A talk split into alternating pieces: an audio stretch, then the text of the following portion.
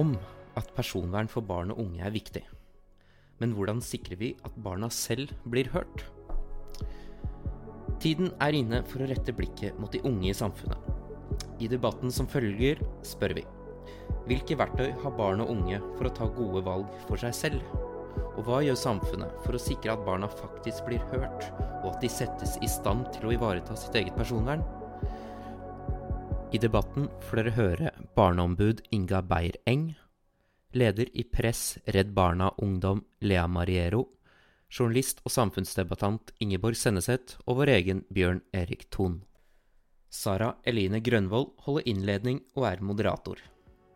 Dette er del to av vår serie med opptak av debatter under Arendalsuka 2021.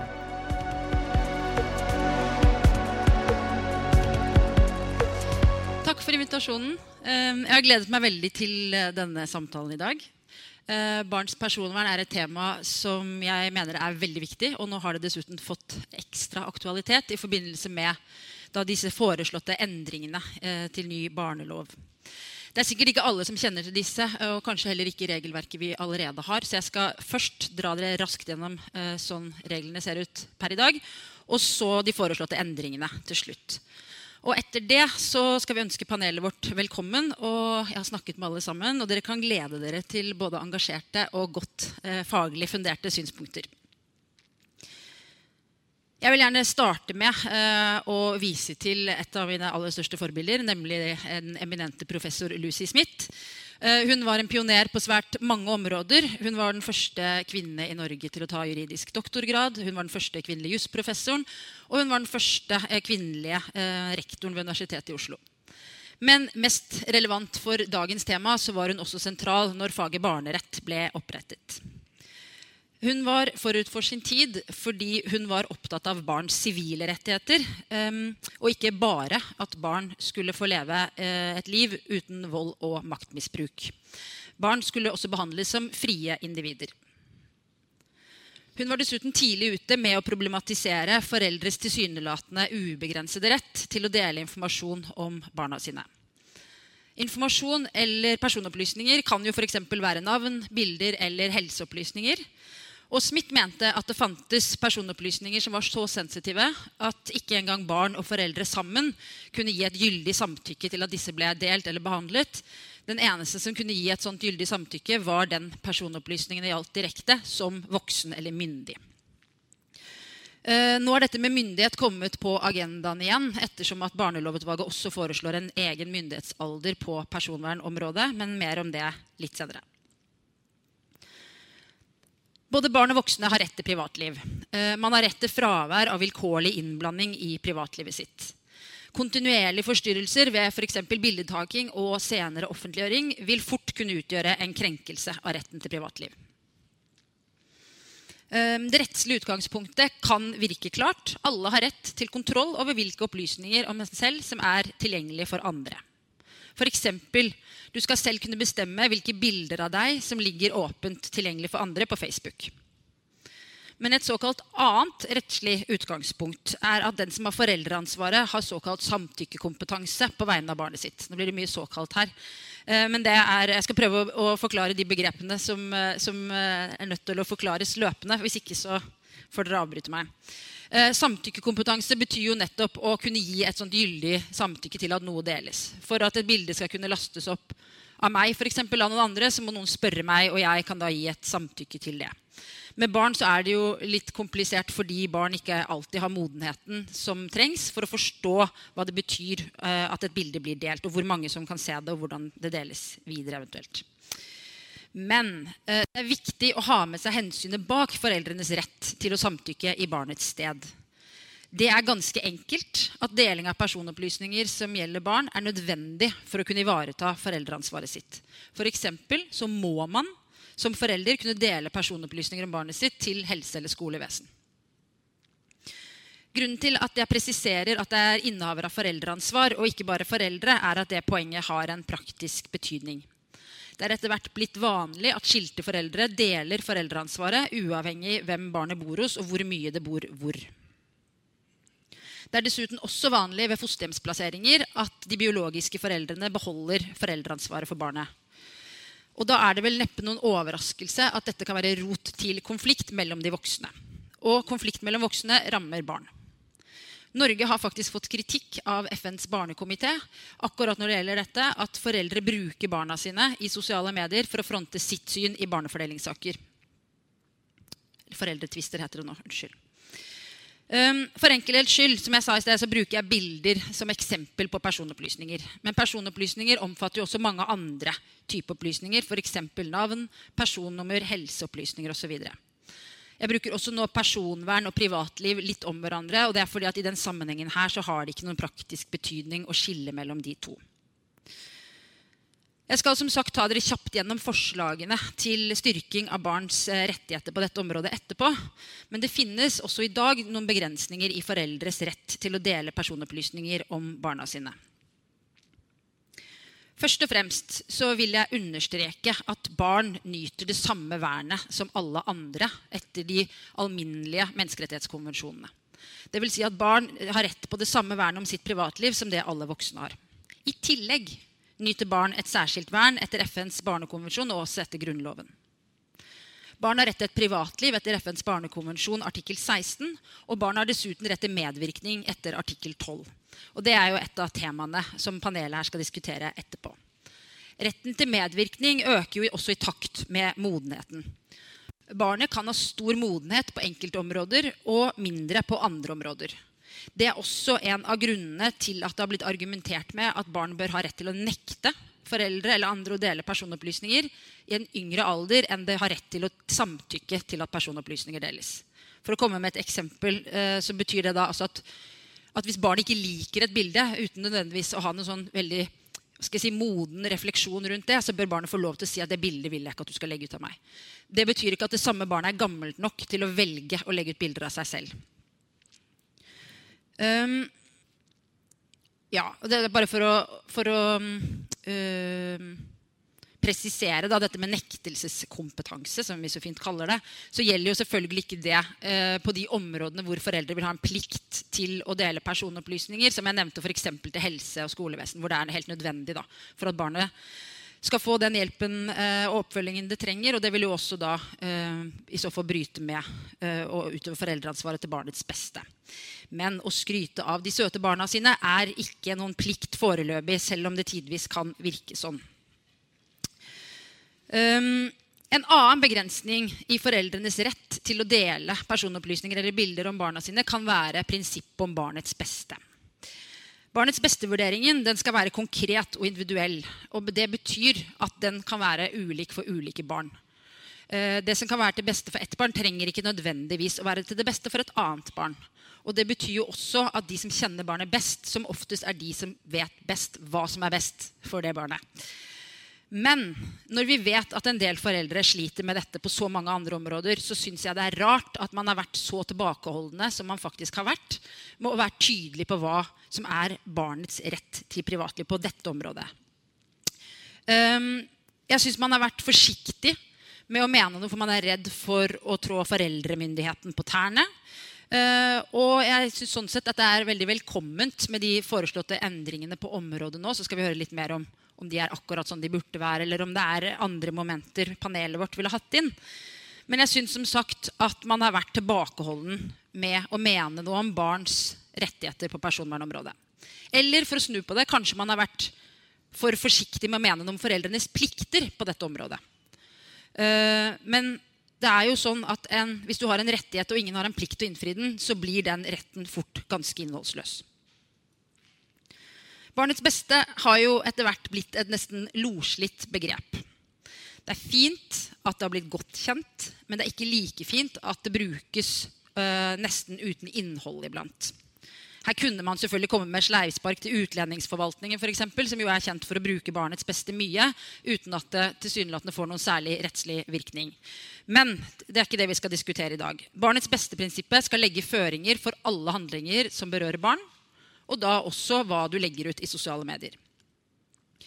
Det betyr i praksis at en forelder skal kunne svare bekreftende før du legger ut et bilde av barnet ditt på Facebook at du tror dette er til barnets beste. Og her er det viktig å merke seg at det prinsippet ikke tåler å bli snudd på hodet. Det kan ikke være sånn at man sier at dette er ikke til skade for barnet, og derfor har vi oppfylt barnets beste. Det er jo En av hovedinnvendingene jeg ofte møter når vi diskuterer dette, her, er at ja, men er det så farlig, da? Og nei, mest sannsynlig så er det ikke farlig. det hele tatt. Mest sannsynlig så går det helt bra, men det blir for slapt. Det er ikke å følge opp barnets rettigheter. Det grunnleggende som vi skal ha eh, med oss her, er at barnet har den retten til privatliv, og så skal vi ikke bruke så mye energi på å prøve å uthule den retten. Da fratar man dessuten barnet rett til selv å skape seg en digital identitet og eventuelt være helt anonym på nett. Det er mulig jeg er dogmatisk her, men jeg er i så fall dogmatisk for den individuelle friheten til de barna dette gjelder. Jeg gjentar at foreldrenes samtykke i barnets sted hviler på barnets umodenhet. Den hviler ikke på at barnet juridisk sett er noen ting. Selvfølgelig ikke, sier folk når jeg sier det. Men hvorfor er det da slik at nesten alle foreldre er så flinke til å spørre andre foreldre er det greit at jeg legger ut bilder av barnet ditt, men at man ikke spør barna det gjelder, og man spør ikke sine egne barn?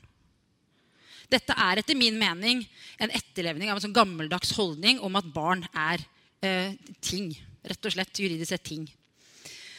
Um, en annen ting er at Dersom man mener at de voksnes rett til privatliv er veldig viktig, men at barnas rett til privatliv ikke er så viktig her og nå, så er det jo noe verdt å tenke på hvordan det ser ut for disse barna når de da faktisk blir voksne.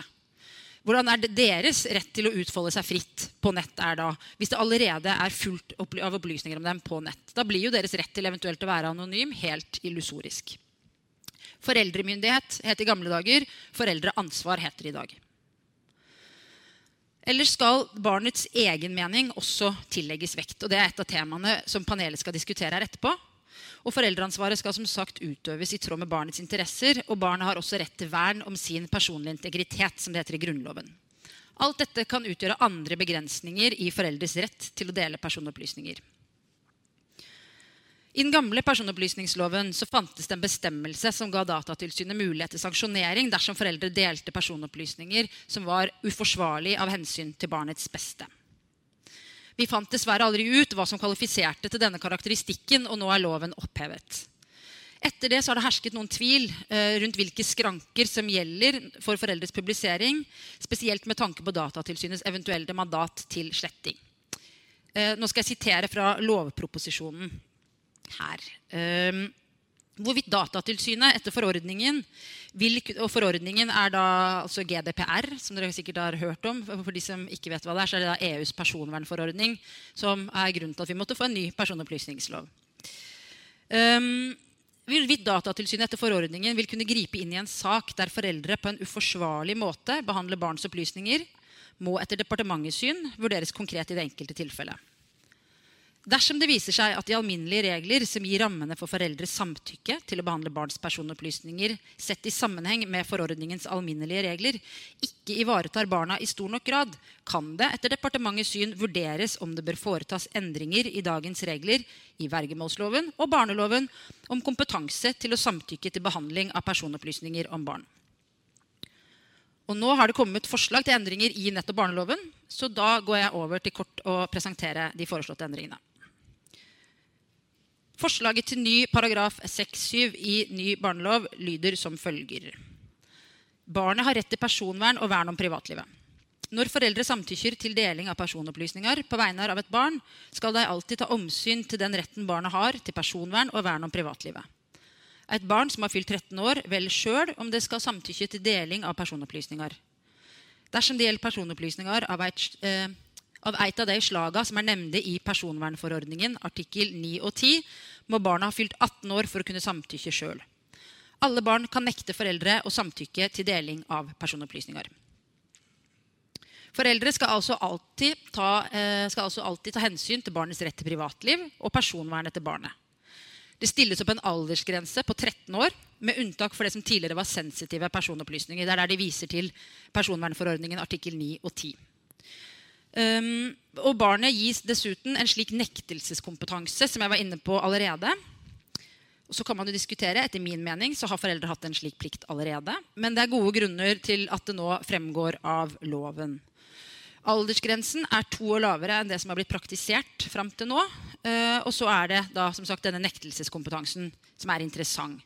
Betyr dette at Datatilsynet nå vil kunne slette bilder av barn som er lagt ut på foreldrenes Facebook dersom barnet ber om det? Og hvordan skal man sikre at barn får informasjon, og at de blir hørt på en god måte? Jeg tenker at Nå er det et fint eh, tidspunkt å introdusere panelet vårt. Og da begynner jeg med deg, Lea. Lea Mariero. Hun er leder av Press, Redd Barna Ungdom. Hun har studert statsvitenskap og vært eh, aktiv i en rekke organisasjoner. Og gjennom Press kampanje Gullbarbie så har hun også jobbet mye med sosiale medier. Velkommen opp.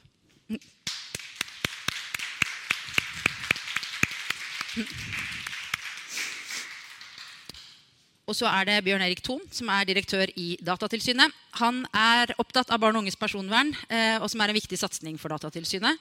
Bl.a. gjennom undervisningsopplegget Du bestemmer, som handler om personvern og nettvett. Velkommen opp.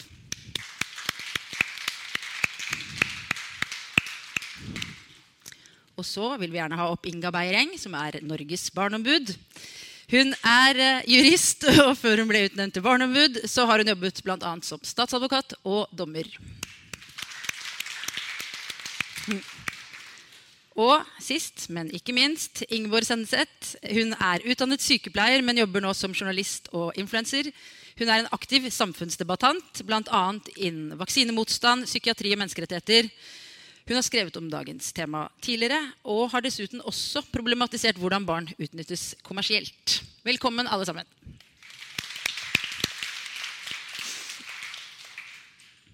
Ja, jeg vet ikke om vi først skal ta en liten runde hvis dere har lyst til å kommentere sånn helt kort på temaet for i dag og umiddelbare tanker. Hvis du vil begynne, Lea.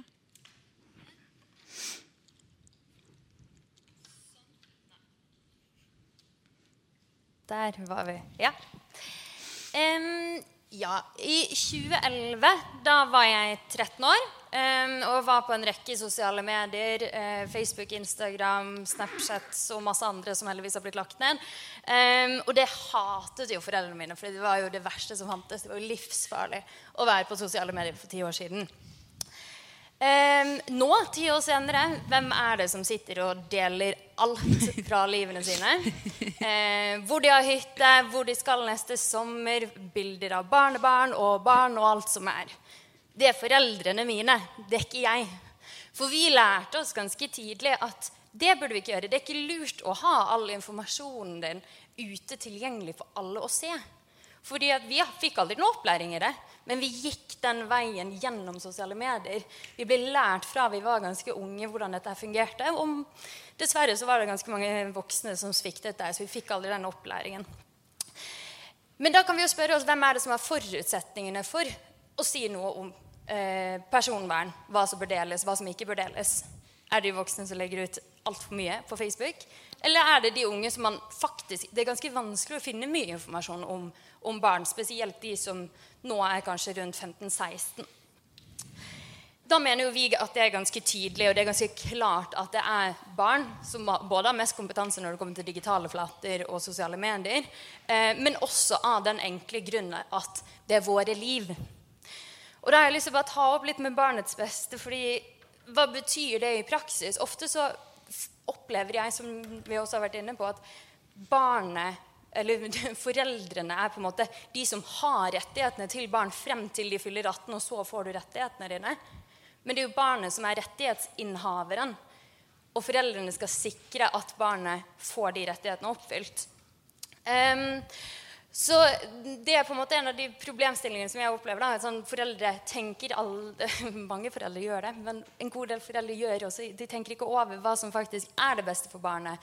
Eh, hva som er skadelig. Vi også tenker på at sånn, ok, men barnet må få lov å utfolde seg. Vi er nødt til å kunne oppleve de tingene. Vi kan ikke bare stenge av sosiale medier, for det er hele livene våre. Vi har ikke lenger et skille mellom et digitalt liv og et virkelig liv. For vi lever på sosiale medier, og det tror jeg jo pandemien har vist. Eh, vist mange av oss.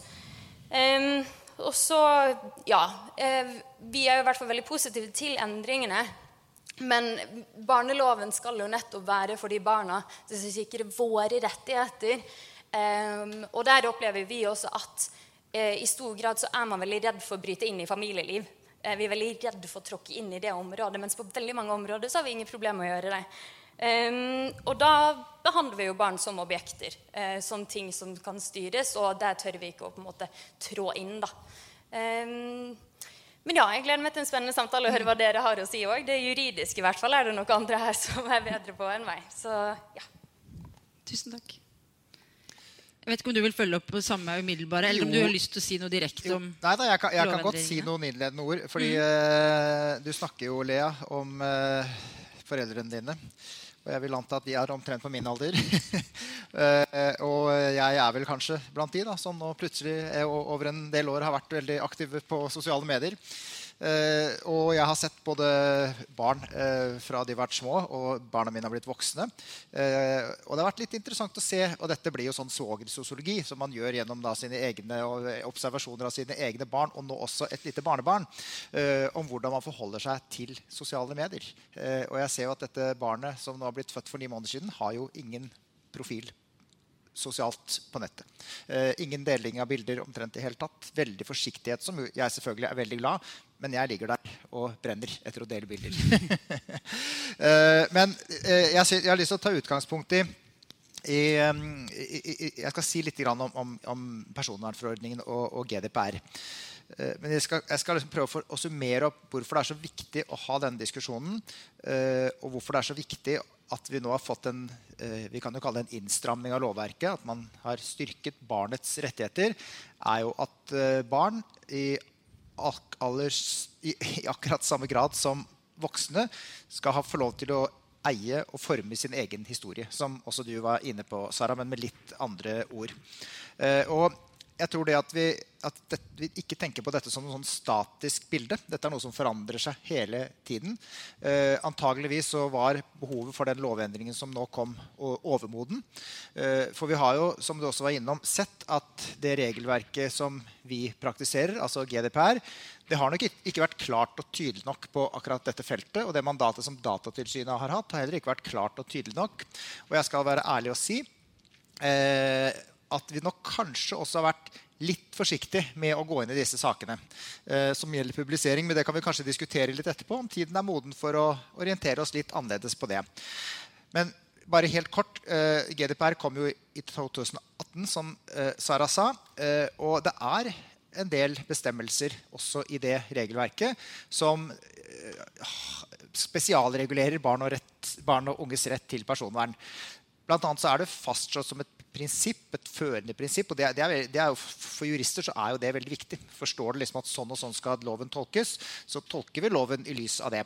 Eh, blant annet så står det at barn og unge ikke er så kjent med konsekvensene og risikoen forbundet med å dele personopplysninger eh, på nettet. Det må vi legge vekt på når vi skal tolke det regelverket. Det står at informasjon skal tilpasses barn og unge. Så hvis du sender informasjon på en nettside til meg, så må den være annerledes enn om du gjør det til barn og unge. Så er jo forordningen bygd opp sånn at eh, eh, den som skal ja, La oss man si man driver et sosialt nettsamfunn eller en app eller et undervisningsomlegg eller noe sånt som barn skal bruke, så må man alltid diskutere hva er konsekvensene for personvernet med akkurat denne løsningen her, denne appen f.eks. Og hvis det er sånn at barn er eh, målgruppe, så må man legge mye mer da, man, da, da er det større sjanse for at man må gå grundigere inn liksom, i problemstillingene, og at man kanskje også må få det der lille varsko opp. Nei, dette skal du faktisk ikke gjøre. Eh, og det siste jeg tenkte å nevne, det er at man har også Og det er kanskje litt eller, nei, egentlig er det ikke på, på, på, så kanskje på siden.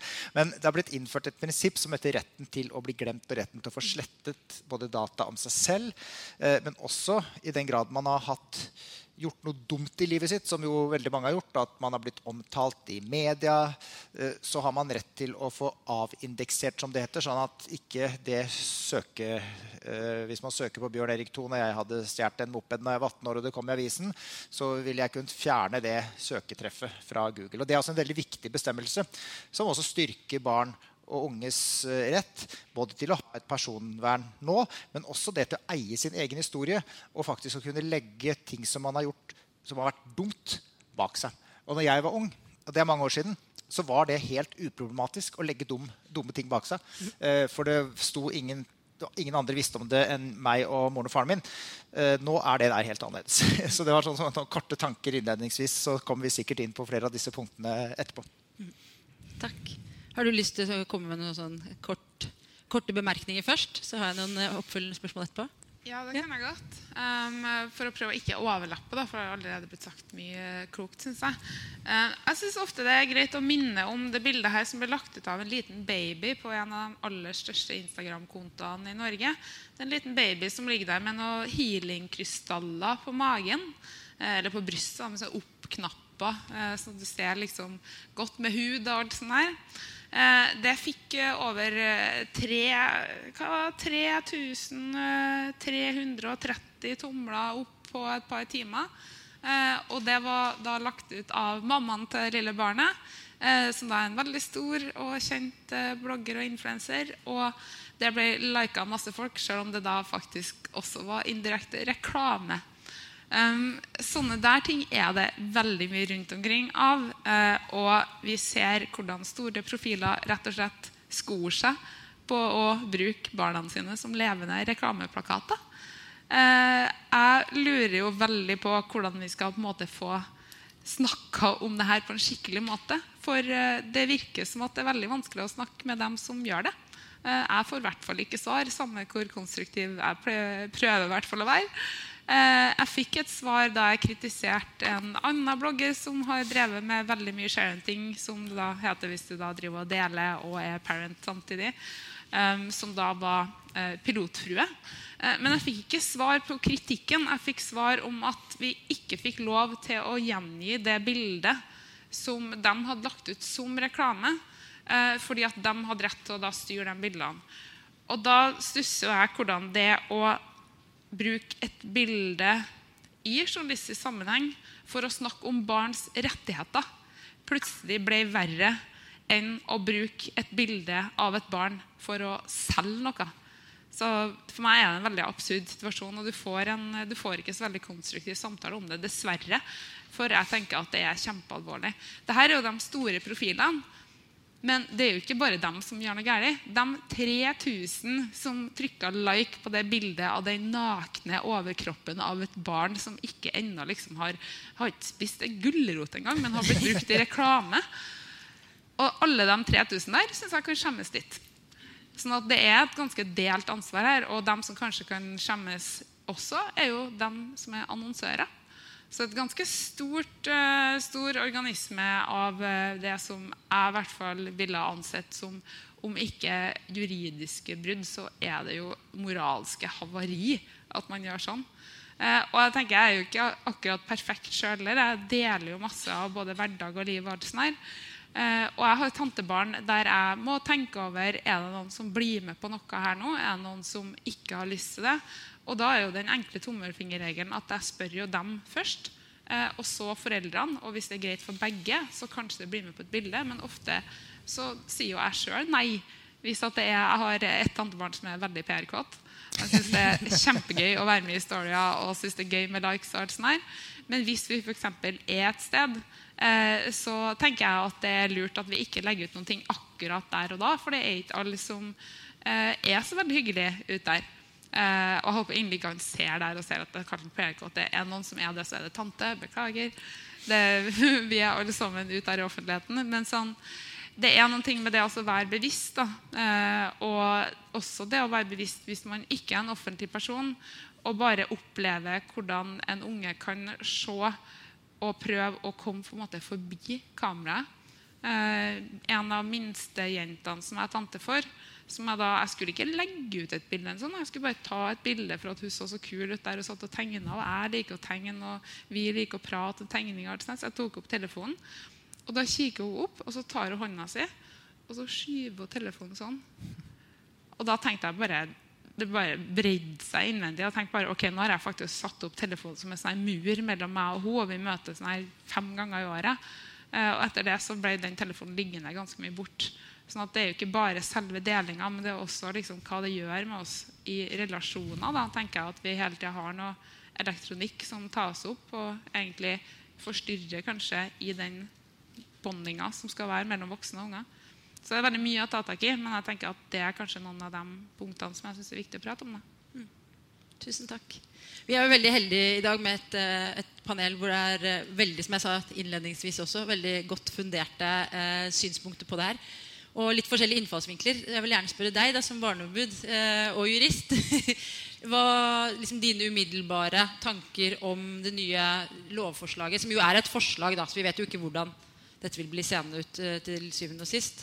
Men hva tenker Barneombudet om eh, Barnelovutvalget sitt forslag? Jo, altså, Vi har jo på en måte vært opptatt av barns personvern lenge og tenker at det ja, vært opptatt av at egentlig Barnekonvensjonens krav også skal, skal reguleres eh, også i barneloven. Men jeg tror jeg er den første til å si at jeg har begrenset tro på jussen. Altså.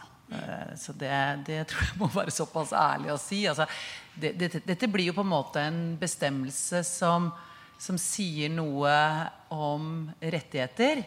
Men det er jo en fare for at når man har rettigheter som ikke kan håndheves, så, så er, blir jo ikke det sånn som det er på andre områder hvor man kan håndheve rettigheter. sånn at jeg tror nok at dette er i hvert fall, Det som jeg håper på nå, det er jo en kunnskap ute blant barn. At de på skolen blir en del av å vite hvilke rettigheter de har i forhold til foreldrene sine. Sånn som at de vet hvilke aldersgrenser det er på å bestemme ting. Og så tror jeg altså vi må drive med, med eh, vanlig folkeopplysning eh, overfor hele samfunnet om at det ikke er greit å legge ut bilder av barna sine i utgangspunktet, eller opplysninger om barna og om de reglene. For det tror jeg ikke jeg tror nesten ingen som kan ingen annet enn oss som er spesielt interessert i dette her, som kan dette her. Så, så vi tror ikke på liksom, tro at nå har vi løst det hvis Stortinget nå vedtar denne loven. Det, det blir en sovepute. Men jeg tror det er masse informasjonsarbeid som må gjøres på det. Og så tenker jeg det har vært interessant å høre med Bjørn Erik. fordi at, at sånn som du, var inne på i starten, dette med at uh, Datatilsynet har jo hatt en sanksjonsmulighet uh, på det gamle regelverket. Uh, og tenker man i dag at et barn som opplever at foreldrene liksom stadig legger ut bilder, skal de kunne ta kontakt med noen for å si fra? Altså, sånn. For dette handler jo om å regulere den private sfære. Det er ikke enkelt. altså. Sånn at, eh, så, så, det er noen utfordringer der som, som, ligger der. Så jeg tror mer på holdninger, opplysninger sånn, og, og, kanskje at det er krevende å gå inn i det private hjem og si at nå har Bjørn Erik Thon sagt at du, mamma, skal slette det bildet. Mm, eh, altså er, jeg skulle gjerne sett den samtalen rundt det bordet. så Jeg, jeg, sånn, jeg tror ikke jussen gir oss ikke uh, alt, det, alt, det, vi ønsker på dette området, fordi det er uh, så veldig innenfor den private sfæren. Jeg vil gjerne høre også hva Bjørn Erik mener om det. Men først så vil jeg også bare utfordre litt da, uh, på det her. Fordi det er to hovedinnvendinger jeg har mot den tilnærmingen om at jus ikke er alt. Det ene er at kan man egentlig snakke om å regulere privatsfære når det nettopp er offentliggjøring som jo er problemet her? Det er ikke hva, om foreldrene har privat lysbildeshow på nyttårsaften og viser alle pinlige situasjoner det barna har hatt hele året. Det er faktisk at du legger det ut på en åpen profil tilgjengelig for alle. Det er det ene. Og det andre er jo Hvis man skal se litt på det historiske òg, så kan man jo også stille spørsmål ved f.eks. da vi fikk et totalforbud mot vold mot barn i Norge. Så var det jo mange av de samme innvendingene man møtte da. Og nå mener jeg ikke å sidestille de to krenkelsene, men at det var det akkurat det at nei, det, det, trår for nær da, på foreldremyndigheten, som det jo het da. At, uh, at sant, foreldre er nærmest å vite hva som er sitt eget barns beste. Noen barn tåler mer enn andre. Noen barn trenger mer eh, fysisk refselse enn andre. Og det var også noe man mange mente at nå, tar dere, nå blir foreldre på en måte helt vingeklippa. I tillegg til da selvfølgelig dette med inngrep i familielivet. Så jeg vil gjerne høre egentlig begge dere to. Du kan jo begynne. Ja. det, er, det, der har jeg jobba mye med. Det, ja. ja. men du kan da snu det på og si at ok, hadde vi fått en, en presisering i straffeloven som vi har på at vold mot barn er absolutt forbudt. ikke sant? Vi fikk jo en dom det er ikke veldig lenge siden eh, hvor det sa at selv den minste klaps ja. eh, er, er straffbart jeg tror ikke den bestemmelsen alene og den dommen fra Høyesterett alene løser det. Det som løser det, er at barn jevnt og trutt fra barnehage, skole får informasjon om hva er det ikke greit å bli utsatt for. Nei. Det er jo en av de viktigste delene. Så loven i seg selv vil jo ikke løse dette annet enn når det er blitt oppdaget. Men du trenger jo barn som vet at det som skjer hjemme hos meg, ikke er greit. Mm. Og så må de vite hvem skal de ta kontakt med. Ja. Fordi det er bare å si at uh, hvis barn uh, hvis skal, For det voldseksempelet er veldig godt. Mm. Du sier at ja, hvis du, blir, du er ikke lov å bli slått hjemme. Nei, ok, jeg blir slått hjemme. Men hvis du da ikke gir barnet noe håndteringskompetanse, ja, hvem, skal, hvem skal dere ta kontakt med? Hvem skal, jeg da, hvem skal, jeg gå til? Det er litt det samme som på personvern nå. Hvis du går på skolen og sier at det er ikke lov å legge ut bilder av deg, mm. setter litt på spissen, hvis ikke du har samtykket, så må du jo samtidig si litt ja, hvem kan du henvende deg til. Mm. Hvis mor og far ikke hører på deg, bare ler og sier at ja, men dette er jo så koselig. Mm. Så det er liksom egentlig mye av det samme. Du må gi dem informasjon, og så må du gi dem informasjon om hva skal de gjøre når de opplever noe som ikke er lov. Ja. kan de henvende seg til deg? Ja, jeg, jeg, skal, jeg, skal, prøve å Jeg har bare lyst til å knytte en liten kommentar før jeg svarer på det, til det med, som Ingeborg tok opp om eh, moralsk havari. Eh, for jeg syns at det er, veldig, det er, et veldig, godt begrep. Eh, og eh, jeg er heller ikke sånn som har eh, sånn klokketro på, på jussen. Altså Jussen kan være en verdimarkør. Eh, absolutt, Det har vi sett eksempler på. Og juss kan også håndheves, som jeg skal si til om et lite øyeblikk. Men akkurat det med å, å vise fram de fæle eksemplene på det moralske havariet, jeg tror egentlig også det kan ha en effekt. Eh, og vi har jo eh, sett noen bilder nå i det siste fra familier, eller en familie som ikke ønsket at det skulle legges ut bilder av eh, deres barn på skolens Facebook-sider. Vi har flere eksempler på det. Hva gjør skolen? Jo, de setter på et sånn emoji-bilde på klassebildet av klassen. Så alle kan se eh, at uh, Og det er jo sånn, det er jo sånn et hjerteskjærende eksempel. Og det er lagt ut også et bilde fra klasserommet hvor alle elevene sitter og ser mot noen sitter liksom den veien, den veien. Og dette stakkars barnet har da en, et emoji-fjes smilende, sånn at du ikke kan se hvem det er. Eh, og det er et moralsk havari. Eh, og dette skjer i skolen. Den samme skolen som skal lære barn å ivareta eget personvern og respektere andres.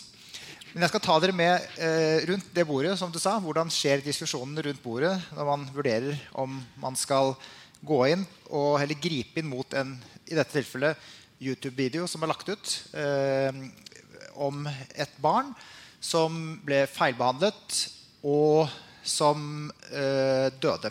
Hun hadde et, jeg vet ikke om det var en hund eller han, men Barna hadde en medfødt sykdom. Eh, og foreldrene mente at dette var en legetabbe som tok eh, livet av dette barnet. en utrolig sterk film hvor du hadde dyster musikk. Du hadde hjerteslag som liksom understreket poenget. Dette var en sak som for øvrig kom inn som en klage fra Barneombudet. Og så satt vi og diskuterte skal vi skrive til disse foreldrene. Eh, true med et overtredelsesgebyr eventuelt. Be om en redegjørelse fra disse foreldrene om hvorfor de gjorde det. De hadde mistet barnet sitt. De var sterkt presset. De var meget fortvilte. Eh, da, da måtte vi liksom gå inn og, og, og analysere nøye altså, hva, hva, oppnår vi med det. Hva oppnår samfunnet med det? Eh, og vi prøvde å trekke opp liksom, noen sånne kriterier. da Eh, for når det var riktig å gripe inn og ikke gripe inn. Eh, vi la vekt på nettopp det med Det var en sterk eksponering. Det var liksom det, det ene vektskåla. I det andre var det at foreldrene var fortvilet. De var sterkt presset. Vi vurderte er dette noe som har skjedd mot barnets vilje. Dette barnet var lite, og det var sykt. Kanskje ikke noe vi skulle legge så stor vekt på. Gjorde foreldrene da egeninteresse, eller gjorde de det for å kritisere det offentlige? fremstillingen var veldig rettet mot å kritisere det offentlige. sånn som vi så det. Eh, og skal ikke foreldre som da er i en så dypt ulykkelig fortvilt situasjon, få lov til å bruke dette virkemidlet? Der støtter vi an mot ytringsfriheten. ikke sant? Så det er også en ting som vi må diskutere. Eh, og Var dette et krenkende bilde av barnet? Nei, egentlig ikke. Det var ikke så godt å identifisere det. Eh, var det latterliggjørende? Nei, det var det heller egentlig ikke. Så Sånn gikk samtalen når vi diskuterte dette. Og, og vi fant ut at for det første å gå inn og uh, starte en sak mot disse foreldrene kunne oppfattes som ganske brutalt, rett og slett. Uh, og uh, vi valgte da å ikke gjøre det, også fordi vi var i tvil om kanskje dette var verden av ytringsfriheten.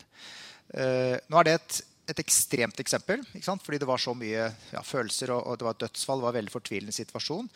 Men samtidig så, så syns jeg nok vi landet på riktig side i den saken. Uh, men så til spørsmålet ditt. Er det sånn at det lovverket som nå har kommet, i større grad kan åpne for at vi tar opp saker? Og det vil jeg nok hvert fall svare sånn betinga ja til. Eller hva vil du som egentlig? Dere spurte jo begge to, egentlig. Fordi da har det kommet et nytt regelverk. Eh, de gjør inngrepshjemmelen vår klarere. Eh, det tydeliggjør hva som er det rettslige i det. Eh, og da tror jeg at det kan ha en verdi eller en betydning ved at vi håndhever et lovverk og gjør en beslutning som, som, er en verdimarkør, og som kan gjøre til at andre foreldre tenker seg om.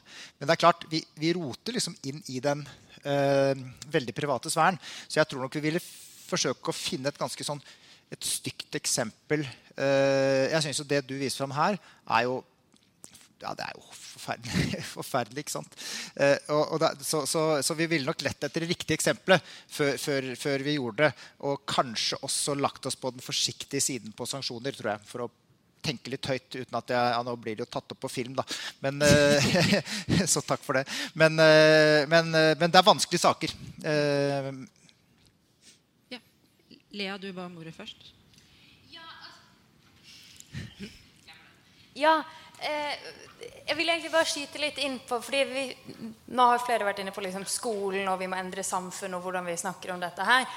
Og ja, alle er enig i det, men det er også liksom alltid svaret når vi diskuterer barn. Sånn, nei, vi må gjøre noe i skolen. Vi må, gjøre noe, liksom, vi må tenke over hvordan vi snakker om det når vi sitter rundt familie. Men vi trenger jo også reelle handlinger. altså Vi trenger politikere som tar initiativ.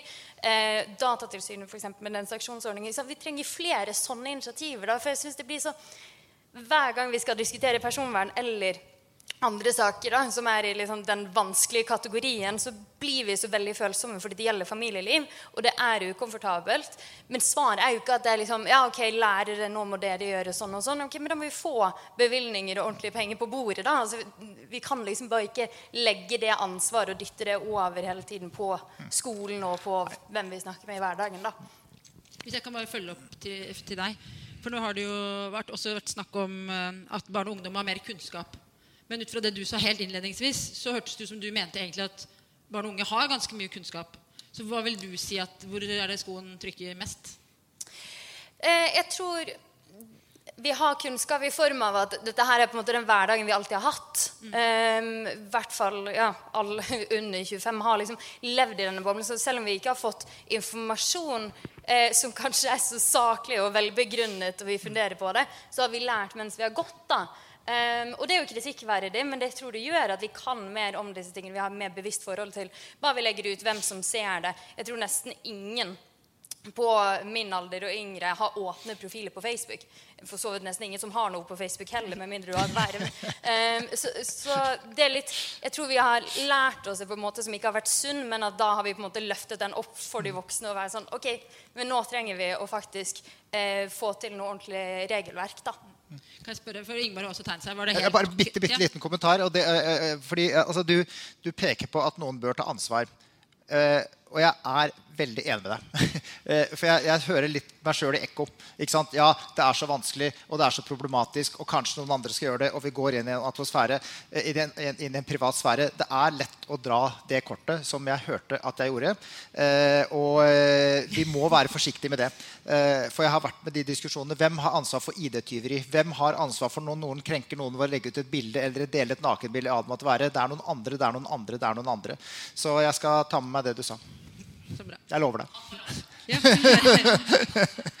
Eh, ja, det var en sånn tanke rundt det med ytringsfrihet. For det er et viktig perspektiv her at man skal ha muligheten til å eh, faktisk eh, si og mene, og også bruke bilder som en del av hvordan du ytrer deg. Men da må man også være bevisst at det du ytrer som kan sies av fem, nei, kan høres av over rundt 15-20 personer, er å regne som en offentlig ytring. Eh, og da må man som forelder eller venn eller sjøl være bevisst på at det bildet jeg har lagt ut nå, det blir regna som offentlig. Eh, og da må du regne med det offentligheten kan bære med seg. Og det kan være på den gode sida at du kan få en skikkelig debatt om et helsevesen. Det kan være en bra eh, konsekvens. På den dårlige sida kan det være det at noen kanskje mener at ungen din er stygg. Og at vennene til ungen din kan lese det. Eh, sånn at du må være klar over hvilke ting som eh, følger med at en ytring er offentlig. Da. For vi må jo ikke havne der at det ikke er lov til å legge ut noe som helst. For svart-hvitt-tenkning har aldri hjulpet noen, egentlig, bortsett fra nullvisjon for vold. Men da begynner vi også å snakke med, om kriminelle handlinger som vi da heller ikke vil jeg tror ikke vi kommer så veldig langt hvis vi forteller unger som jo er glad i foreldrene sine, at du, når pappaen din gjør det der, så er han en kriminell. Og du må si fra til politiet. Ja. Jeg tror ikke det, Gjennomsnittsungen har kjempelyst til å gå og få faren sin til å virke som en kriminell. Eh, så det er nok et ganske stort insentiv for at vi trenger den offentlige samtalen der sånn her blir tatt opp. Eh, og så kan man si også det at et lovverk er en bra moralsk rettesnor. Det skal det være, i hvert fall. Um, og samtidig kan jeg tenke hvor mange er det som leser forarbeidene til en lov, kontra hvor mange er det som er inne på Instagrammen til en eh, mammablogger. Så det er en utfordring der. Altså. Men kan du si det noe kort, for du har jo skrevet en del om det her og har jo veldig mange følgere i sosiale medier. Hva er det folk, De som er uenige med deg, da, hva er det de argumenterer med? Eh, veldig mange gir argumentet at de vet best for sitt barn. Um, men det er jo ikke et argument. Det blir som at jeg skulle stilt spørsmålet hva er 1 pluss 1, og en svarer det at jeg er matematiker, så det vet jeg. og sånn, Jeg har fortsatt ikke fått et svar. Ja. Eh, så de svarer med at de vet best, men de svarer ikke egentlig hva de mener er greit. Hvilke vurderinger har de gjort? Hva tenker de på som konsekvenser? Eh, tenker de at, eh, at de skal kunne slette et bilde senere hvis noen skal spørre? Når er det ungen skal bli stilt spørsmålet Du, her er albumet av deg. Hvilke bilder skal jeg slette? Eh, Eller er det lettere å ta det i forkant? Det er, sånn, det er, ganske, det er ganske mange spørsmål som står ubesvart, eh, gjemt bak en sånn 'Jeg vet best'. Så det. Hvem tar da liksom ansvar for å skape mye informasjon? tenker jeg liksom sånn, for det, som sagt, jeg tror det er de færreste som vet det. Men, men jeg må jo si at det hadde vært denne, det kom jo en dom i Høyesterett for ikke så veldig lenge siden hvor de måtte inn i dette fryktelig vanskelige landskapet mellom retten til å ytre seg og eh, barns privatliv. Og da var vi jo alle liksom, veldig spent på hva utfallet av det ble. Og det var jo, en- dere kan det sikkert bedre enn meg, men det, da, det var jo et sånt, litt sånn ekstremeksempel som det du fikk den gangen fra oss. sikkert, ikke sant? Og hvor det var en mor som hadde filmet barnet sitt eh, i forbindelse med at barnevernet eh, et, et tvangs, effektuerte et tvangsvedtak, tror jeg det var. Eh, og da fikk moren en bot for det. Og så brakte hun vel den straffeboten helt opp til Høyesterett. Og da var det da en vekting mellom morens rett til å ytre seg og, og den, eh, den straffereaksjonen. Og det endte jo med at eh, ytringsfriheten ikke slo igjennom der, og boten mot moren ble opprettholdt. Sånn at, eh, og det var jo også litt sånn som du snakket i stad, sikkert en ekstrem situasjon for den moren som eh, kanskje var i ferd med å miste datteren sin. Eh, sånn at Det viser jo bare at, at domstolen har turt å gå inn i det. Sånn at, men da har man jo en straffesak i bånn som man følger opp. Men jeg tror liksom bare det å, å ja, drive litt mer mm, eh, Ikke kampanjer, men informasjonen der ute til barn og unge, og til voksne. Jeg tror liksom eh, Ja, jeg tror det er de færreste som egentlig er klar over det. Spørsmålet er om det går an å stille Nå har jo faktisk sosiale medier-ledere blitt litt mer eh, på banen når det gjelder eh, offentlig debatt, og av og til faktisk svare på spørsmål og sånt. Det er jo mulig at det går an å stille spørsmål til dem at hvorfor er det veldig vanskelig å legge ut eh, eh, en brystvorte av en statue omtrent, eller et historisk bilde som blir sletta, eh, kontra hvorfor er det så lett å legge ut bilder av barn. Eh, sånn at de kan kanskje få litt press for seg. For det, det er jo også et ansvar der. Og det er jo i høyeste grad en forretningsmodell hos dem. For at bilder av barn får veldig mye likes. Og likes er det som genererer engasjement. Og engasjement er det som genererer opplysninger. For at de sosiale mediene vi bruker, er jo ikke gratis. Vi betaler med opplysningene om oss sjøl og med opplysninger om barna våre, enten det er utseende, eller om det er hvor vi bor, eller hva vi er interessert i, eller kanskje hva er det barnet har på seg. Så du får opp en reklame som er relevant for det barnet. Så vi betaler jo for å være der, og da er vi jo også sånn sett betalende kunder da, med personvernet. Så da burde det gå an å få en samtale om hvorfor er det så innmari lett å legge ut ting der. Uh, nei, fordi jeg, jeg tror ikke uh, Sånn som ut fra den samtalen her, uh, så altså vi, vi klarer ikke å finne svar rett. Men jeg tenker også noen ganger er det, altså er det Tenker vi liksom eh, regulering eh, anno 2000 eller noe sånt? Eh, at det er liksom de offentlige organene, og det er politiet, og det er Datatilsynet, og det er skolen. Det er liksom de institusjonene som vi har holdt på med i alle år og i mange år. Det er de som skal løse dette. Men så er jo verden helt annerledes nå enn den var før. Eh, og det sosiale nettsamfunnet har, er jo nesten et ja, Det er ikke et lovtomt rom, men mye av den makta som før lå hos nasjonalstatene og hos eh, oss og andre, eh, altså som Datatilsynet, eh, er nå flyttet helt andre steder. Og jeg lurer liksom på jeg, jeg tror ikke vi har funnet den riktige måten uh, å liksom angripe dette på ennå. Jeg tror vi er litt for tidlig i det sosiale mettsamfunnenes, uh, billeddelingens, uh, foreldrenes eksponering av barn tidsalder, til vi liksom har klart å knekke koden helt. Uh, og Jeg har ikke noe svar på hvordan vi skal gjøre det. Uh, jeg ser at vi begynner å, å nærme oss noe. Og jeg, syns, jeg må si at jeg syns det voldseksempelet ditt er, også, det, er veldig interessant. For det er sånn som gjør at i hvert fall jeg begynner å nytenke ting. Uh, og på et eller annet tidspunkt så, så er jo det å eksponere et barn på en krenkende måte det er ikke så veldig langt unna å være en voldshandling, selv om det ikke gir blåmerker eller andre ting. Men å leve med et stigma, å leve som ADHD-Knut eller eh, ja, hva det nå enn måtte være, liksom, det er en kjempetung bør uh, å bære. Uh, og det krever nok merker jeg, liksom, det krever litt nytenking. Det, det, krever at man kanskje legger litt av måten man gjorde ting på før, bak seg. For at verden er nå helt annerledes, sånn som du også beskriver veldig bra, Lea.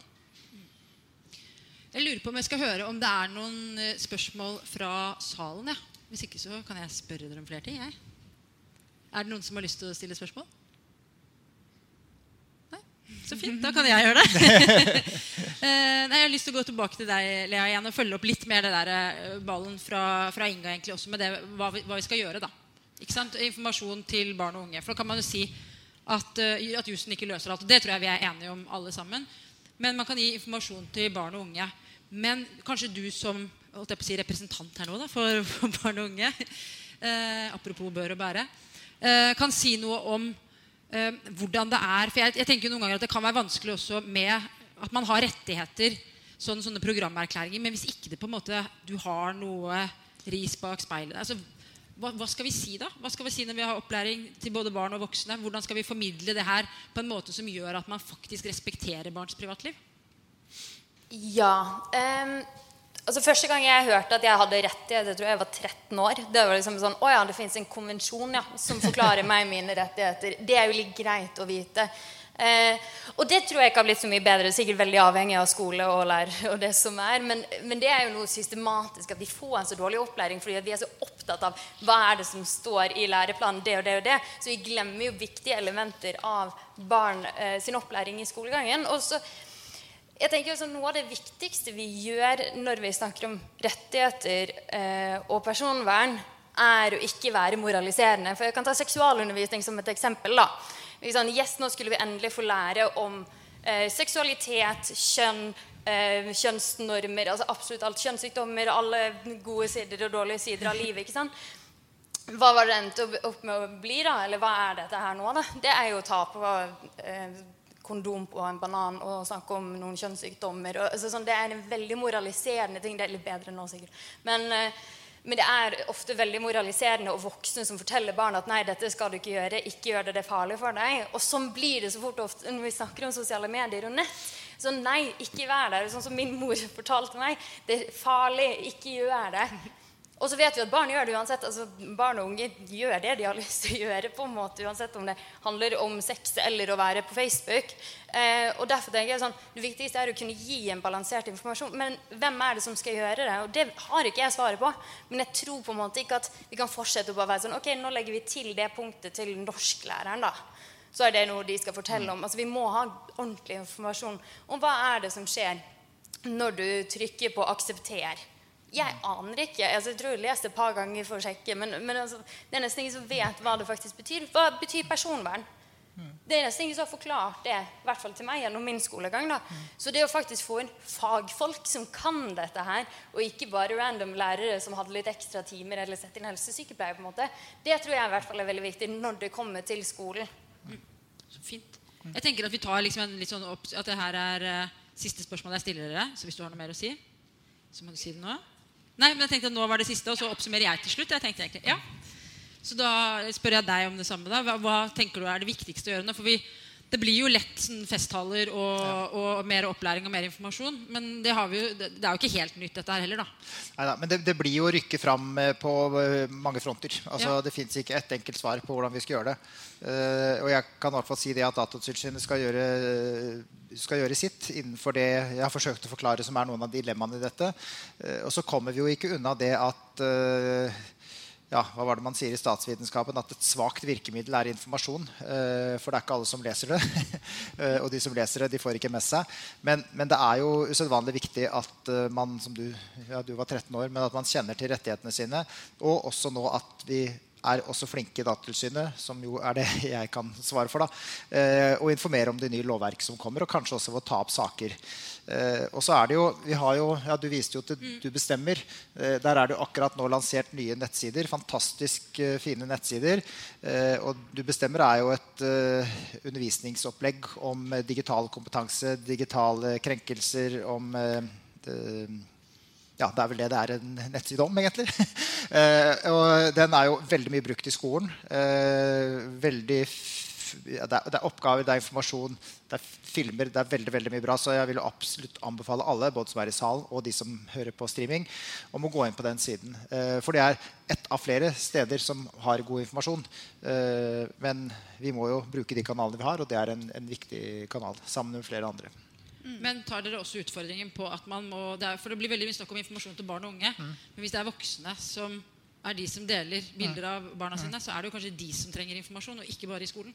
Ja, absolutt. Og hvordan man skal nå foreldre, eh, det er en utfordring. Men jeg tror også at eh, vi, Jeg vet ikke hvordan det er nå, må jeg bare innrømme, for nå har jeg ikke små barn lenger. Men når jeg var, eh, hadde små barn, så var det mye opplæring av de voksne eh, i skolen. Eh, vi hadde temakvelder, og vi hadde flere grupperinger, frivillige organisasjoner bl.a., som reiste rundt og fortalte om eh, hvordan man skulle ja, Det endte som regel opp i noen meningsløse diskusjoner hvor foreldrene skulle snakke om akkurat mitt barn er sånn og sånn. Det kan man jo bli helt gæren av. Eh, virkelig så gruer dere dere. Så jeg ser at dere som har barn i den alderen, nikker samtykkende. Eh, men, men, men foreldre kan også nås på foreldremøter og andre foreldresamlinger. Men det er klart, det er vanskelig. Det er, vanskelig. det er mye informasjon man skal gi til barn og unge. Men de er veldig mottakelige for informasjon rett etter man har fått et barn. har jeg hørt. Da er man veldig mottakelig både for reklame, helsestasjon. Og du kan kanskje du, du, vet litt om dette. Om helsestasjon eller ja. småbarn? Eller? Småbarn, småbarn, at man er mottakelig for informasjon. Ja. Det eneste jeg har fått lære på helsestasjonen, er at man ikke skal snakke i mobiltelefon mens man spiser. Under måltider. Du har lært det, ja? Jeg, lært, jeg lærte av helsesøster. Men jeg har ikke lært så mye om akkurat det her, nei. nei. Ingeborg? Vi har også hatt eh, jordmødre som har gått ut og sagt at eh, de eh, vil prate med foreldre om hvordan de bruker telefonen på fødestua. Jeg tenker at det er egentlig nullpunktet vi må starte på, er egentlig der. da. For en ting som er viktig å understreke, at ja, jeg går ganske hardt på når det er store influensere som har store plattformer, og der det er penger direkte involvert. Eh, for da er, det en, er det en offentlig, virkelig offentlig handling. sånn at det er viktig å sette et eksempel og få en samtale. og Dessverre blir det jo ofte en monolog hvis ingen vil svare, men jeg håper jo at det en gang skjer. Et lite mirakel. Eh, men når det gjelder vanlige foreldre, så tror jeg nok også på at man ikke skal være overmoraliserende eller få noen til å føle seg som kriminell fordi at du er stolt av ungen din, men at vi snakker mye og høyt og viser til eksempler på hvor graverende, farlig eller kjipt det kan være å være den ungen som har bilder og informasjon av seg sjøl liggende ut på Internett. Eh, sånn at de får eh, en annen holdning til det. Og også kanskje litt sånn positive måter for unger hvordan de kan snakke med foreldrene sine. Eh, at unger ikke nødvendigvis trenger å si at du, det der er ikke lov, men si det at kan du bare spørre meg først. Uh, og hvis de da svarer, så må de for guds skyld lytte på det svaret. Da, for jeg har overhørt samtaler der en mor har stått og bare liksom 'Ja, men du var så fin.' Og ungen liksom bare 'Nei, jeg vil ikke.' Og det er, sånn, det er ganske hjerteskjærende å høre på det òg. Uh, eh, men sånn at man, man, tar de offentlige samtalene. Og så kanskje en siste ting som burde være gjennomførbart. Det er jo hvis det selges nye telefoner. Går ikke an å få pressa gjennom å ha en liten lapp uh, nede i boksen da, med det du deler, er offentlig. og kanskje du ikke skal dele om unger. Jeg vet ikke, Det er litt far-fetched. Kan jobbe litt med Ja, det vært litt fint. Ikke den ordlyden. Litt mye tekst. Ikke på trøndersk. Må- må være på trøndersk, ja. Ja. Har du noen eh, avsluttende Ja, jeg tenker det du sa om den offentlige samtalen. Eh, Jeg tror at hvis vi skal skape informasjon og en debatt rundt dette, så kan vi ikke se på foreldrenes eh, brudd på barnas personvern isolert. For dette er jo et produkt av en eh, hva skal man si eksponeringssamfunn. Altså jeg var veldig sent eh, på sosiale medier pga. min gamle jobb og, og fikk altså sjokk når jeg kom inn der i godt voksen alder.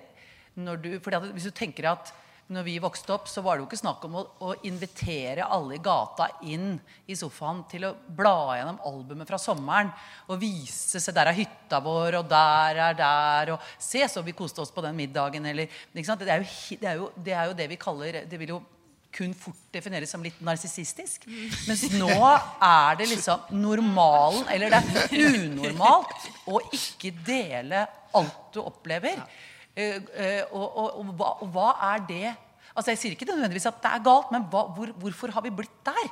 Og, det er klart for det, å dele bilder av barn eller sensitive ting om barn, det er jo et produkt av den eksponeringssamfunnet vi har fått, hvor, hvor alle deler alt. eh, og hvor alle vil bli sett. Sånn at jeg tror vi liksom må starte mye større for å få kanskje mer struktur på dette. her. Jeg tror det var veldig sånn, fin egentlig, avslutning. Ja. At det var eh, må se, det, se større på det også. Og jeg tror du har helt rett. Jeg følte at, eller, Kanskje folk tror at jeg har hatt en skikkelig dårlig sommer siden jeg har glemt å legge ut bilder av jordbær og alt det andre.